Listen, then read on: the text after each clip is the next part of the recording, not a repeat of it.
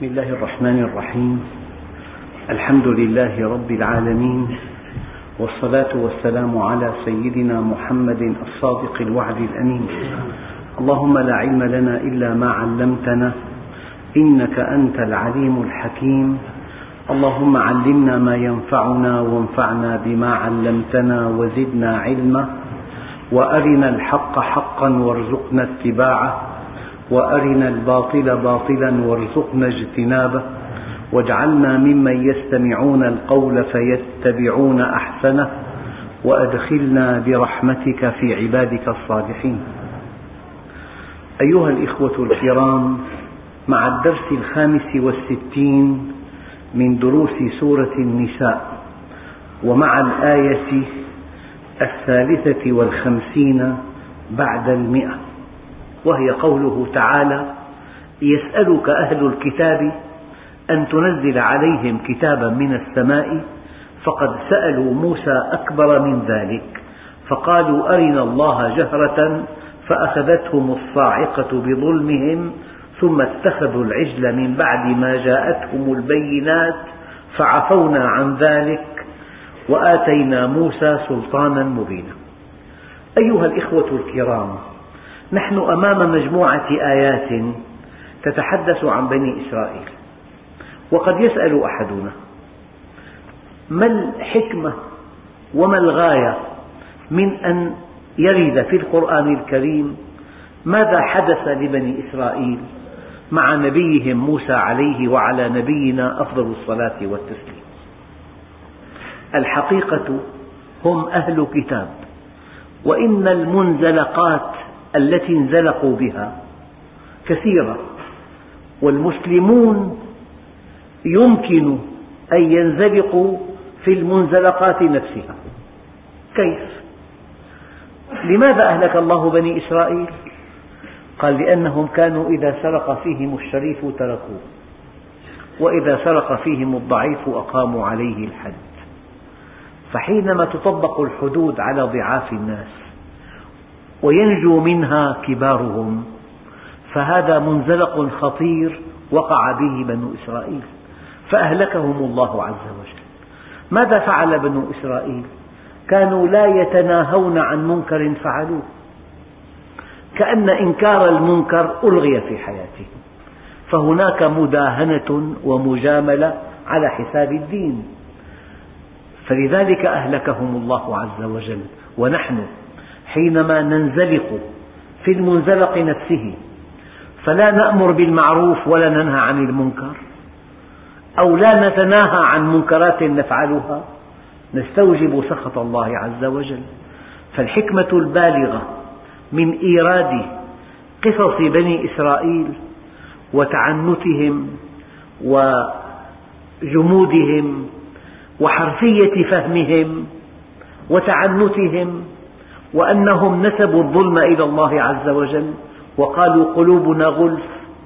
هكذا خلقنا. إن معظم الأمراض التي أصابت بني إسرائيل هي في الحقيقة متفشية في عالم المسلمين.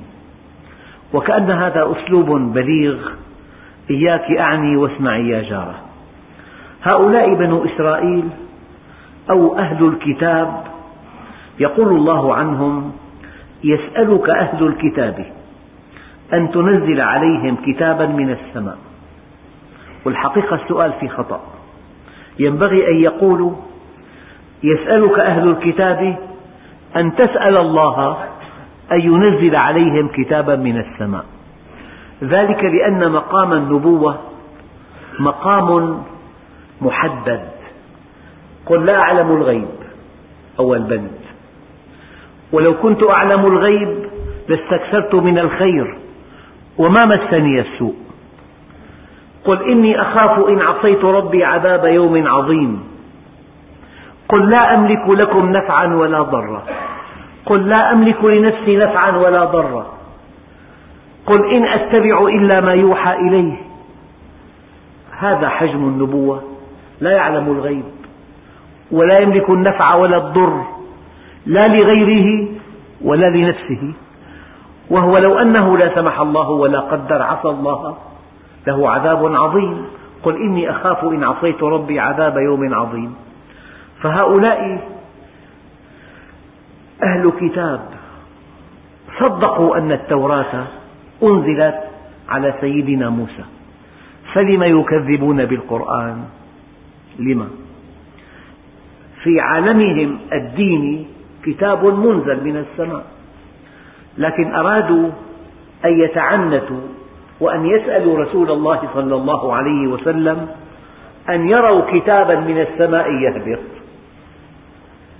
هم حينما قرأوا القرآن وهم أهل بلاغة وبيان لم يستطيعوا أن يجدوا فيه مأخذا واحدا. ولو وجدوا مأخذا في اللغة لأقاموا الدنيا ولم يقعدوها ولكن بلاغة القرآن أسكتتهم. إذا لا بد من حيلة أخرى. لماذا أنزل على محمد عليه الصلاة والسلام؟ وقالوا لولا أنزل على رجل من القريتين عظيم رأوه فقيرا بمقاييس الأغنياء لا بد من أن يكون غنيا. ثم أرادوا أن يكون القرآن منزلا دفعة واحدة جملة واحدة. إذا هم أرادوا أن يبقوا مع أهوائهم وشهواتهم فحينما صعقهم القرآن بإعجازه وبلاغته اعترضوا على أنه نزل على رجل فقير. ثم اعترضوا على أنه نزل منجما يسألك أهل الكتاب أن تنزل عليهم كتابا من السماء وكأن الله سبحانه وتعالى يخفف عن رسوله صلى الله عليه وسلم. يقول له يا محمد لا تحزن لقد سألوا نبيهم ما هو أكبر من ذلك فقد سألوا موسى أكبر من ذلك فقالوا أرنا الله جهرة. فأخذتهم الصاعقة بظلمهم ثم اتخذوا العجل من بعد ما جاءتهم البينات. لأن الله سبحانه وتعالى يريد أن يقوي نبيه عليه الصلاة والسلام ثم يريد أن يخفف عنه الحزن الذي ينتابه حينما يكذب من قبل قومه. إذا الإنسان إذا كان في الأصل متبعا لشهوته وجاءه الحق وليس له رد على هذا الحق. يأتي باعتراضات سخيفة وجانبية ليبرر لنفسه بقاءه على باطله. فقد سألوا موسى أكبر من ذلك فقالوا أرنا الله جهرة. قالوا يا إمام متى كان الله؟ فقال ومتى لم يكن؟ ومتى لم يكن؟ وفي كل شيء له آية تدل على أنه واحد. فأخذتهم الصاعقة بظلمهم. هذا تعنت. ثم اتخذوا العجل من بعد ما جاءتهم البينات. الإنسان حينما لا يعمل عقله في آيات الله الكونية قد تأتيه النصوص وفجأة ينتكس. رأوا بأعينهم كيف أن موسى عليه السلام ضرب البحر بعصاه فأصبح طريقا يبسا. رأوا بأعينهم كيف أن العصا أصبحت ثعبانا مبينا. رأوا بأعينهم آيات بينات رأوا معجزات حسية. ومع ذلك حينما مروا على قوم يعكفون على أصنام لهم قالوا يا موسى اجعل لنا إلها كما لهم آلهة. إذا هم ما أرادوا الحق. هذا الكلام في منه استنباط لطيف. إن أردت الحقيقة أصغر شيء يدلك عليه. هو قرار داخلي. إن أردت أن تعرف الحقيقة بعرة تدل على البعير وأقدام تدل على المسير. وماء يدل على الغدير. أفسماء ذات أبراج وأرض ذات فجاج ألا تدلان على الحكيم الخبير؟ وإن لم ترد الحقيقة لو كنت في أضخم قاعدة فضاء في الأرض ورأيت المجرات بأم عينك من خلال التلسكوبات. لو كنت في مجهر إلكتروني تكبر الخلية أربعين ألف مرة. وترى الخلية عالما قائما بذاته. لو كنت في أرقى الأمكنة العلمية في الأرض ولم تؤمن بالله أو لم ترد الحقيقة لا تنتفع بكل هذه الحقائق. يعني للتقريب آلة تصوير بدائية جدا. إذا فيها فيلم تلتقط الصور. بدائية جدا. وأتي بأرقى آلة في الأرض. وليكن ثمنها فوق المليون. إن لم يكن فيها هذا الفيلم لا قيمة لها. أنت إذا أردت الحقيقة فكأن فيلما في آلتك تنطبع عليه الحقائق. وإن لم ترد الحقيقة مهما تكن عبقريا وذكيا فإنك لن تؤمن بالله عز وجل. لذلك الهدى قرار داخلي. قرار داخلي. وهذه الفكرة تفسر آيات كثيرة. إن في ذلك لآية إيه؟ إن كنتم مؤمنين. إن أردت الإيمان هذه آية تعرفك بالله. أما إن لم ترد الإيمان فكل آيات الأرض لا تدلك على الله لأنك ما أردت الإيمان بالله. حقيقة دقيقة. الإيمان قرار داخلي. صدق في الطلب. بحث عن الحقيقة. إن كان ذلك متوفرا فأقل الأدلة يوصلك إلى الله. وإن لم ترد الحقيقة في الآن مخابر في مجاهر في تلسكوبات في مراكز علمية في العالم فيها شيء لا يصدق. وهؤلاء الذين في هذه المراكز الفضائية ويرون كل يوم مجرة تأخذ بالألباب.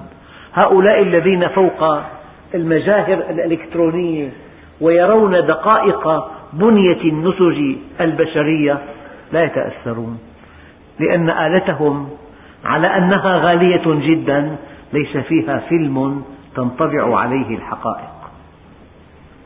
يسألك أهل الكتاب أن تنزل عليهم كتابا من السماء فقد سألوا موسى أكبر من ذلك. فقالوا أرنا الله جهرة فأخذتهم الصاعقة بظلمهم. ثم اتخذوا العجل من بعد ما جاءتهم البينات. عبدوا صنما بعد أن رأوا آيات الله الصارخة. فعفونا عن ذلك. وآتينا موسى سلطانا مبينا. آتيناه المعجزات التي خضعت لها رقاب المتعنتين. ثم إن الله سبحانه وتعالى نوع أساليب هدايتهم. هم لا يخافون إلا بأعينهم. الإنسان أيها الإخوة إما أن يخاف بعقله وإما أن يخاف بعينيه. كلما ارتقى في سلم الإنسانية خاف بعقله. وكلما هبط إلى مستوى البهيمية خاف بعينيه. والدليل؟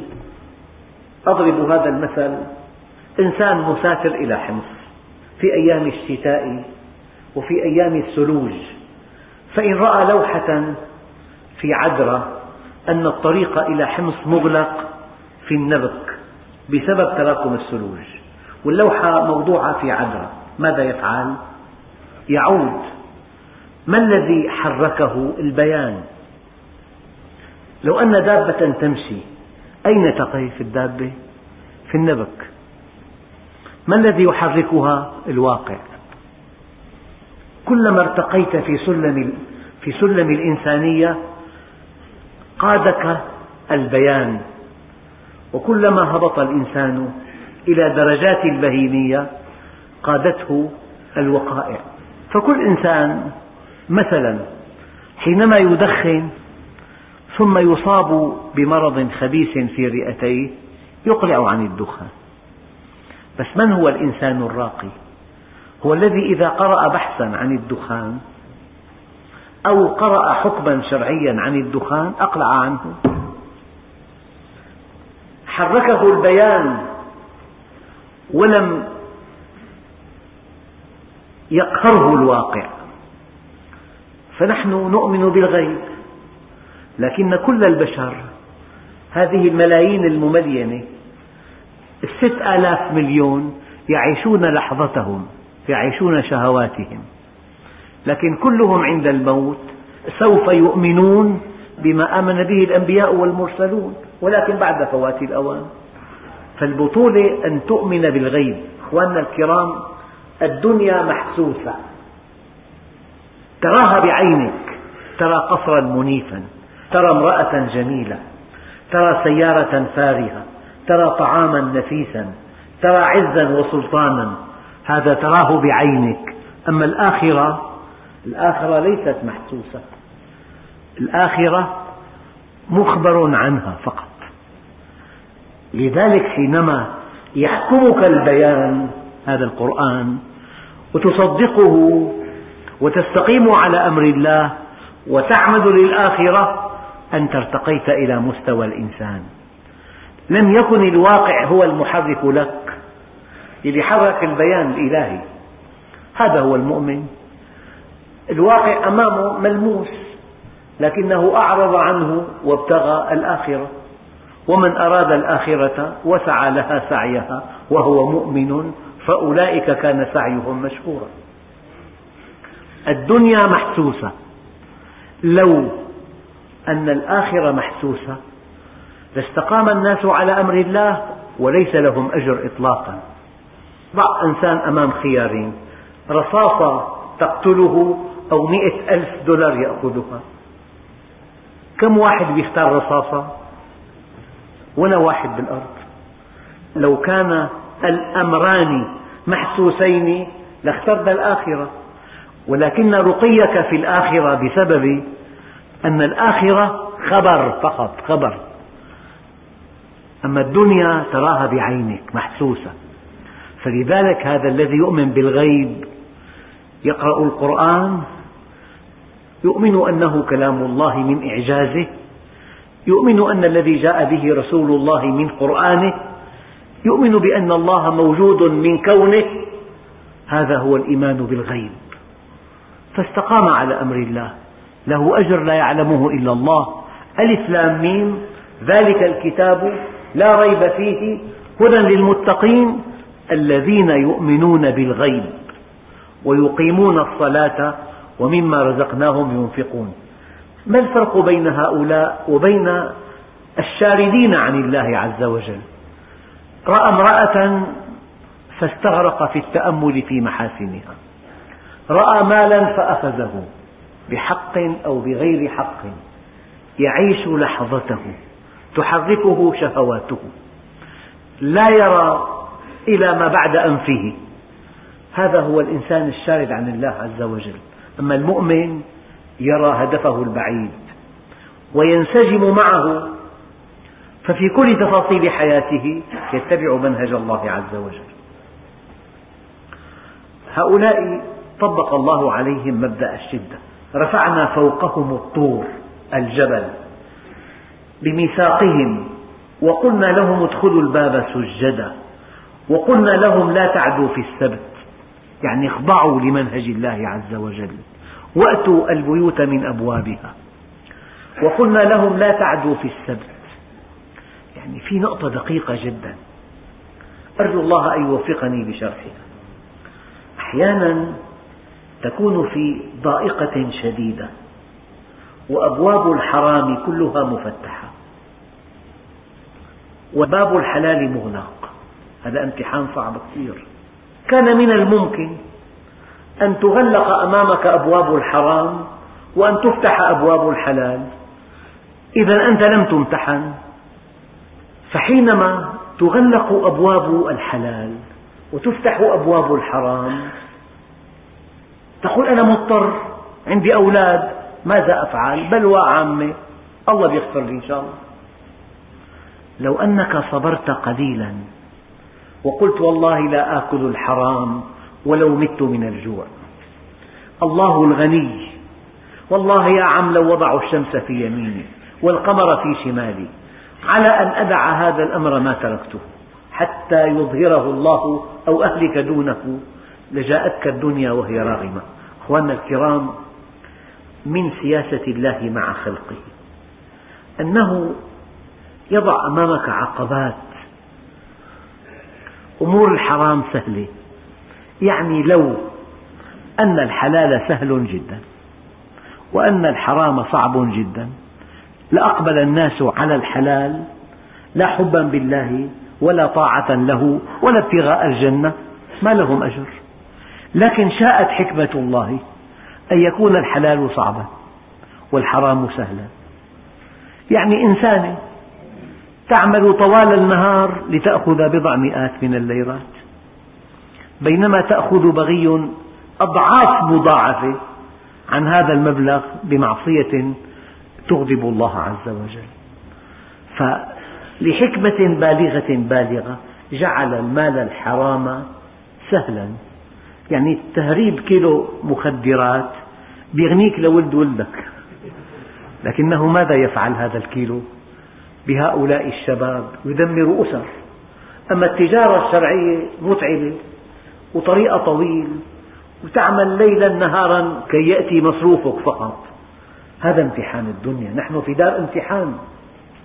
فلذلك بنو إسرائيل امتحنوا. حرم عليهم الصيد يوم السبت. ويوم السبت الحيتان تتجول وظاهرة وكأنها سفن. ممنوع اصطادوا في أيام الصيد ما في حيتان. هذا امتحان. هذا امتحان مطبق دائما. طبعا مو دائما امتحان مؤقت. الحلال صعب. الحرام سهل. يجي إنسان يقول والله لا أفعل معصية. ولو مت من الجوع. حينما يرى الله منه هذا الصدق وهذا الورع يخضعه لقوانين لا يعلمها قوانين العناية الإلهية. يعني إنسان يبيع الخمر. غلته مليون في اليوم مثلا مثلا. تاب إلى الله. أصبحت غلته خمسة آلاف لماذا هذا الهبوط؟ امتحان صعب. مع بيع الخمر في مبلغ ضخم. من دون الخمر ما في شيء. فإذا قال والله لا أعصي الله وأنا أرضى بالكفاف من العيش وأن يكون الله راضيا عني. وصلت إلى هذا المستوى. الآن يخضعك الله لمنظومة قوانين أنا أسميها قوانين العناية الإلهية. فإذا الله يغنيك غنى كبيرا وأنت في طاعته. ما الذي حصل؟